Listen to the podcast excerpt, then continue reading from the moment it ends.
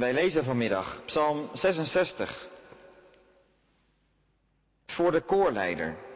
Een lied. Een psalm. Heel de aarde juich voor God. Bezing de aarde van zijn naam. Bezing de eer van zijn naam. Breng hem eer en lof.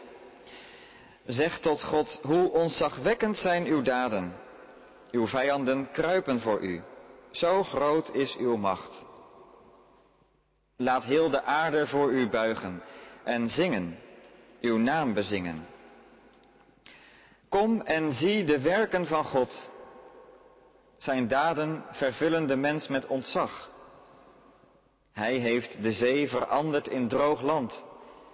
Zijn volk trok te voet door de rivier. Laten wij ons dan in Hem verheugen. Machtig heerst Hij voor eeuwig. Zijn ogen waken over de volken.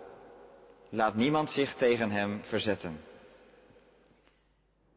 Prijs, o volken, onze God. Laat luid uw lof weer klinken. Hij heeft ons het leven gegeven en onze voeten voor struikelen behoed. U hebt ons beproefd, o God, ons gezuiverd, gezuiverd als zilver, ons in een vangnet gedreven, ons een zware last op de schouders gelegd. Mensen zijn over ons heen gereden, wij zijn door vuur en door water gegaan, maar u bracht ons naar een land van overvloed. Ik zal met offers uw huis binnengaan en doen wat ik u beloofd heb. Wat mijn lippen hebben toegezegd, mijn mond in nood heeft gesproken. Vetgemeste schapen zal ik u aanbieden, een geurig offer van rammen. Ik zal stieren en bokken slachten. Kom en hoor wat ik wil vertellen. Ieder die ontzag heeft voor God, hoor wat Hij voor mij gedaan heeft. Toen mijn mond Hem aanriep, lag een lofzang op mijn tong. Had ik kwaad in mijn hart gevonden, de Heer had mij niet gehoord. Maar God heeft mij gehoord. Hij heeft geluisterd naar mijn gebed. Geprezen zij God. Hij heeft mijn gebed niet afgewezen, mij zijn trouw niet geweigerd. Hier eindigt onze lezing. Dit is het woord van God. We gaan dus luisteren naar Psalm 66 en als tekst heb ik gekozen vers 16, waar staat: Kom en hoor wat ik wil vertellen. Ieder die ontzag heeft voor God, hoor wat Hij voor mij heeft gedaan. En we zullen het geheel van de, van de psalm bekijken en langslopen, maar dan valt uiteindelijk het licht op dat vers. Gemeente van onze Heer Jezus Christus, in de afgelopen weken zijn velen van ons een paar dagen of weken op vakantie geweest. En dan is het fijn om elkaar na terugkomst weer te ontmoeten en te spreken. Waar zijn jullie geweest? Hoe was het weer? Wat hebben jullie gedaan? Heel vanzelf ontstaat dan een gesprek over de vakantieervaringen. En wat vertelt u dan? Welke verhalen deel je met je vrienden en familie? Meestal vertellen we dan wat indruk op ons heeft gemaakt. We vertellen waar we van genoten hebben, wat ons vreugde gaf. Of misschien vertelt u juist wel waarin u teleurgesteld was. Welke verhalen delen wij met anderen en wat vertellen we juist niet? Die laatste vraag is denk ik net zo interessant als die eerste. Sommige gebeurtenissen delen we liever niet, terwijl ze wel gebeurd zijn. In al die verhalen die we elkaar vertellen, niet alleen na een vakantie, komt iets naar voren over hoe wij naar de wereld kijken. Het laat iets zien van waar onze hoop ligt, wat ons blijdschap geeft.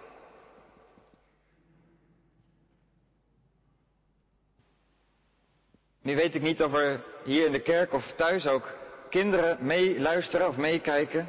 Misschien ben jij de afgelopen week wel met je ouders ergens naartoe geweest. Bijvoorbeeld naar een oud kasteel of een museum. En ik kan me zo voorstellen dat als je ouders je vertelden, we gaan naar een oud kasteel of naar een oude stad, dat je misschien wel even dacht, is dat nou leuk? Allemaal oude gebouwen. Moet ik daar naar binnen gaan, een hele dag naartoe? Ik heb eerder zin in iets anders.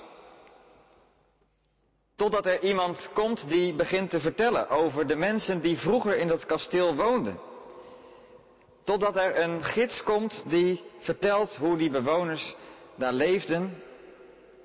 Toen er nog ridders in dat kasteel woonden. En tegen wie ze dan moesten vechten. Hoe ze hun eten klaarmaakten en welke avonturen ze beleefden. Dan ineens komt die plek opnieuw tot leven. Als je die verhalen hoort, dan zie je het als het ware voor je ogen gebeuren terwijl je door al die kamers van dat kasteel loopt. Dan kan je je iets voorstellen bij hoe het leven daar geweest is. Zo is het ook wanneer wij bij elkaar zijn in de kerk. Als we lezen over die oude verhalen, de geschiedenis van het volk Israël, dan leren we God zelf kennen. Dan leren we dat we op eenzelfde manier naar ons eigen leven mogen kijken. En dat God nog steeds zo werkt in ons leven. En daarover vertelt de psalmdichter van Psalm 66. Hij vertelt over Gods grote daden. Gods daden in de geschiedenis van het volk Israël, maar ook hoe God in zijn eigen leven gewerkt heeft. En daarom zegt hij in vers 16, kom en hoor wat ik wil vertellen. Hoor wat hij voor mij gedaan heeft. Vandaag luisteren we naar zijn woorden. En worden we opgeroepen om mee te doen, om zelf ook te ontdekken hoe God in ons leven werkt. Psalm 66 valt uiteen in twee delen. Het eerste deel bestaat uit de versen 1 tot en met 12. In dat gedeelte, een lofprijzing, dankzegging aan God, gaat het over zijn handelen in de geschiedenis. Maar de psalm blijft daar niet bij hangen. Het blijft niet bij wat God in lang vervlogen tijden gedaan heeft. Dat ontdekken we wanneer we kijken naar het tweede deel van de psalm, de versen 13 tot en met 20. Daar verandert het perspectief. Vanaf dat moment is er slechts één iemand aan het woord. In het eerste deel gaat het juist om een gemeenschap, om een grotere groep die God de eer geeft en hem lof aanbiedt. In het tweede gedeelte gaat het om één persoon. Ik zal met offers uw huis binnengaan. En ik zal vertellen wat God voor mij gedaan heeft. De gemeenschappelijke lofprijzing wordt een persoonlijke dankzegging. De psalmdichter laat weten wat God voor hemzelf gedaan heeft. En zo eindigt de psalm ook heel persoonlijk. Geprezen zij God, Hij heeft mijn gebed niet afgewezen, mij zijn trouw niet geweigerd. Maar laten we nog even terugkeren naar het begin van de psalm. Zoals het inzet. Heel de aarde, juich voor God. Israël viert zijn bevrijding. En het zou heel goed kunnen dat deze psalm gezongen werd in de tempel, terwijl er veel mensen bij elkaar waren, misschien tijdens een feest. En niet alleen Israël brengt de lof aan God, maar heel de aarde wordt opgeroepen om mee te doen, om mee te juichen mee te vieren dat God goed is. Zo klinkt ook in vers 4. Laat heel de aarde voor u buigen en zingen. Uw naam bezingen. Dat is uiteindelijk het doel. Dat alle volken hun knieën zullen buigen voor de God van Abraham, Isaac en Jacob. Zo worden ook wij vanavond uitgenodigd om mee te doen in die lofprijzing. Want in die eerste verse klinkt al tot drie keer toe een imperatief, een aansporende wijs. Juich voor God. En in vers 2 bezing zijn naam. In vers 3 zeg tot God hoe ontzagwekkend zijn uw daden. Dat is lofprijzen. Juichen, zingen, hardop zeggen tegen God dat Hij alle eer ontvangt. En nu kan je dat natuurlijk heel goed in je eentje doen. Maar dat werkt natuurlijk veel beter wanneer we dat samen doen. Wanneer je elkaar meeneemt in de lofprijzing van God. En als we dan verder lezen, dan zegt de psalmist in vers 5, kom en zie de werken van God. En dan gaat het al gauw over die belangrijke gebeurtenissen uit de geschiedenis van het volk Israël. Hoe hij zijn volk leidde door de Rode Zee. Hoe hij hen voorging door de woestijn. En droogvoets door de Jordaan leidde het beloofde land binnen. Op die momenten die zo belangrijk waren voor Israël, ervaarden ze dat God hun bevrijder was. Dat Hij machtig was om te doen wat zij niet voor mogelijk hielden. De psalmist zegt, kom het en zie, zie de werken van God. Het is nog steeds zichtbaar. Die daden uit het verleden, ze zijn niet iets van geschiedenis geworden. Maar God is nog steeds die bevrijder. Tot op de dag van vandaag. En zo neemt de psalmist ons mee om het mee te zingen, mee te beleiden. Dat ging in de tempelliturgie ook zo. De koorleider zong voor en dan volgde de gemeente. Het werd voorgezongen en nagezongen. En als vanzelf gingen die woorden ook jouw woorden worden. Je nam die woorden op de lippen, dat God bevrijdt van slavernij, bevrijdt van kwade machten, dat Hij het leven geeft en onze voeten voor struikelen behoedt. Opvallend hoe de psalm dan verder gaat vanaf vers 10. U hebt ons beproefd, o God. De psalmist beleidt hier dus ook dat beproeving komt van God. Dat God mensen ook kan testen. Dat hij hen zuivert zoals zilver gezuiverd wordt. En ik denk dat de psalmist hier opnieuw denkt aan die woestijnperiode. Toen het volk veertig jaar lang door de woestijn ging. En toen zij dat hele Egyptische denken als het ware af moesten leren. En zich moesten richten op de God die zich aan hen geopenbaard had bij de berg Sinaï. Dat ze zich moesten richten op wat God voor hen had beloofd. Het land waar ze naar onderweg waren. Veertig jaar lang beproeving. Maar, zegt de psalmdichter in vers 12, u bracht ons naar een land van overvloed. Kunnen wij dat eigenlijk zeggen van God? Dat we zeggen, u stelde ons op de proef. U gaf ons die moeilijke momenten, maar uiteindelijk heeft u ons geleid naar de overvloed. Dat is nogal een beleidenis. Kunnen we dat zeggen? Op momenten dat we het gevoel hebben dat God ons verlaten heeft. Op momenten dat het lijkt alsof God stenen voor brood geeft. Op momenten dat er geen water te vinden lijkt. Geen leven. Misschien is het dan wel zo gemakkelijk, of misschien eenvoudiger, om het dan mee te zeggen met anderen. U leidde ons door de woestijn. U hebt ons beproefd. Die collectieve herinnering aan de woestijntijd. Het wordt ook zo uitgesproken dat God hen daar doorheen leidde. En dat ze steeds meer gingen vertrouwen op God die trouw bleef aan zijn verbond.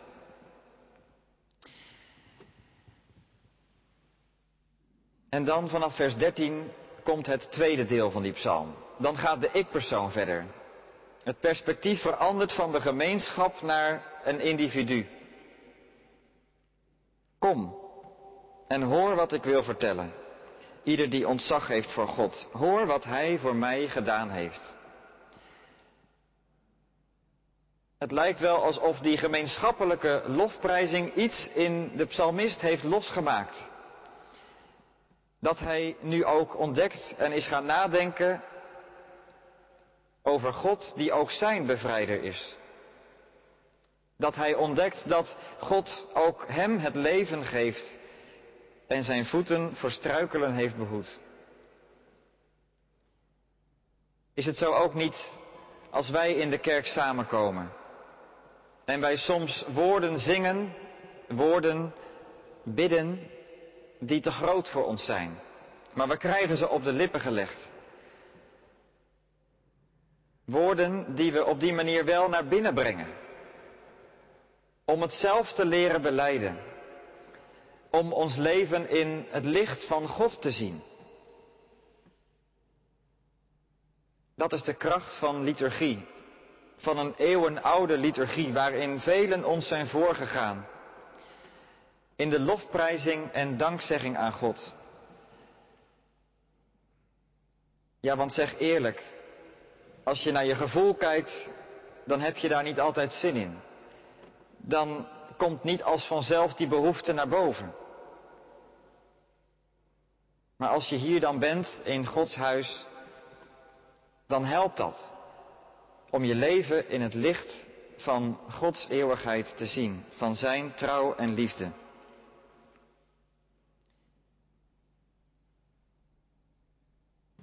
Een paar jaar geleden, toen ik zelf nog geen predikant was en ergens was voorgegaan, sprak ik na de dienst een jongere bij de koffie. En hij vertelde dat hij een van de laatste jongeren was in zijn gemeente. Het waren er al niet veel, zei hij, maar sommigen zijn ook naar een andere kerk vertrokken. En soms, zei hij, overweeg ik ook om weg te gaan. Waarom eigenlijk, zei ik. Nou, als je hier binnenkomt, zei hij, is het net alsof je een museum binnenkomt. Alles wat hier staat is oud. Een preekstoel, een orgel, de kerkbanken, het ruikt hier zelfs oud. Maar ook de taal is ouderwets. En de mensen houden erg vast aan oude gebruiken. Ik keek even om me heen en kon wel iets bij zijn opmerking voorstellen. Want die kerk had ook wel iets van een museum. Er hingen een aantal oude scheepsmodellen in dat kerkje. En aan de preekstoel hing nog zo'n oude zandloper die al lang niet meer gebruikt werd. En er hing nog zo'n gaslamp in de kerk die natuurlijk al jaren geen dienst meer deed. Maar zei ik toen tegen hem, merk je dan niet dat in die oude taal iets naar voren komt van een levende God die ook jouw taal spreekt en die jouw hart aanspreekt. Ja, dat weet ik wel, zei hij, maar eerlijk gezegd merk ik het vaak niet. En toen stamelde ik nog zoiets van, zou je dan niet als jongere daar verandering in kunnen brengen? Zeg tegen de kerkenraad dat, dat er op deze manier echt geen jongeren meer bij komen. Maar het bleek allemaal nogal lastig te liggen. En in de auto naar huis zat ik nog een tijd aan die jongen te denken. En wat ik nog meer had kunnen zeggen. Maar eigenlijk begreep ik hem wel. Die woorden die daar klonken, de voorbeelden, de mensen, ze raakten zijn leven niet of nauwelijks. Het had te weinig raakvlakken voor hem om te worden meegenomen in die lofprijzing. Nou hoop ik dat jij dat vanavond niet op eenzelfde manier herkent. Want de kerk is geen museum. Ik hoop dat we juist het gesprek met elkaar aangaan. Over hoe de God van Israël, de God over wie we lezen in de Bijbel, ook vandaag in ons leven werkzaam is. En dat we het ook vertellen tegen elkaar. Hoe Hij nog steeds de bevrijder is. Hoe Hij soms ook momenten van beproeving geeft. Maar ook dat Hij je leidt naar de overvloed. Ik hoop dat deze psalm u en jou aanzet om juist met elkaar te delen wat God heeft gegeven. Zoals de psalmist dat zegt. Kom en hoor wat ik wil vertellen. Ieder die ontzag heeft voor God. Hoor wat Hij voor mij gedaan heeft. Dat doet me denken aan Filippus, die precies diezelfde woorden gebruikte toen hij Nathanael erbij riep. Kom en zie. En Nathanael was nogal sceptisch over Jezus. Kan uit Nazareth iets goeds komen, zei hij. Maar Filippus nam hem mee. Kom en zie. En niet lang daarna beleidt Nathanael, Rabbi, u bent de zoon van God. U bent de koning van Israël. Filippus deelde dus zijn ervaring die hij met God had opgedaan, met Jezus, met Nathanael. Hij vertelde hem over hem. Hij is de Messias. Kom mee. En zo kunnen wij dat ook doen.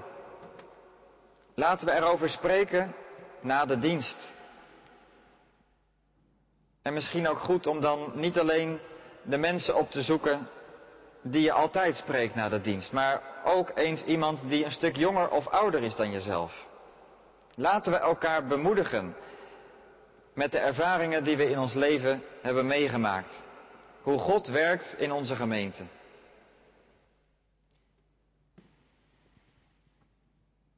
Ik begon deze preek met de vraag, welke verhalen vertellen we elkaar? Wat delen wij met mensen om ons heen? En natuurlijk begrijp ik dat je dan niet meteen je diepste zielenroerselen aan de ander vertelt. Dat je niet met iedereen deelt wat er in je ziel omgaat. Maar het lijkt me helemaal niet verkeerd om er eens over na te denken, waar praat ik graag over? Vertel ik alleen over mezelf? Welke stories deel ik op social media? Zijn dat alleen foto's van mezelf? Alleen maar succesverhalen? De psalmist van Psalm 66 deelt met ons zijn levensverhaal, zijn story met God. Hij vertelt wat God aan hem gedaan heeft. En dan gaat het wel over hemzelf, maar toch staat God in het middelpunt. Want God heeft zijn gebed verhoord. God heeft zijn trouw niet geweigerd. En dat is een spiegel voor ons. Daarom ook voor ons die vraag. Wat heeft God aan u gedaan? Wat heeft Hij in de achterliggende periode aan u laten zien?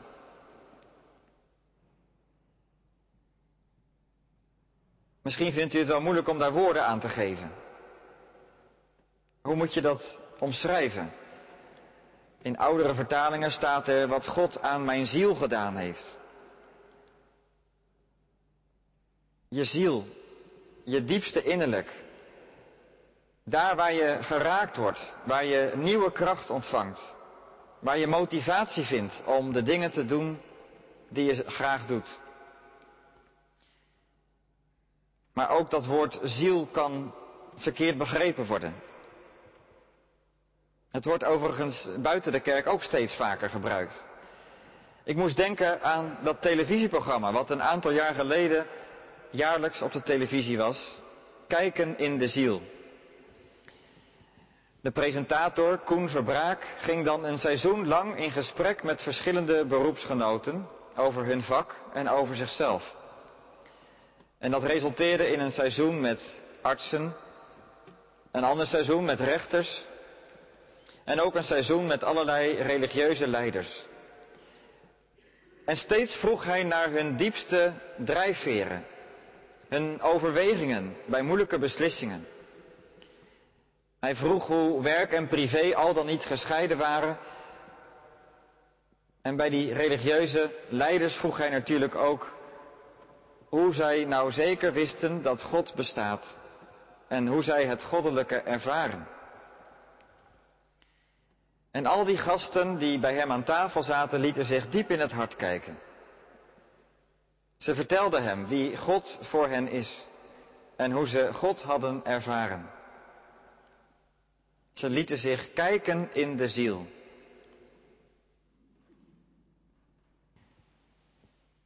En als ik dat kijk, en misschien hebt u dat ook wel, dan denkt u, ja, zo mooi als zij dat zeggen, kan ik dat niet omschrijven.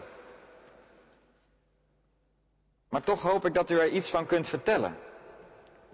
Van Gods werk in uw persoonlijk leven. En als u nou zegt, ja, ik vind dat heel moeilijk, ik ervaar het ook heel weinig.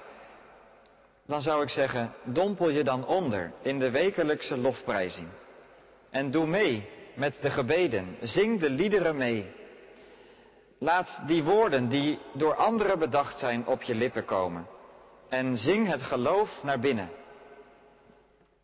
Zo leer je je eigen leven zien in het licht van God. Zo wijd je je leven aan Hem toe.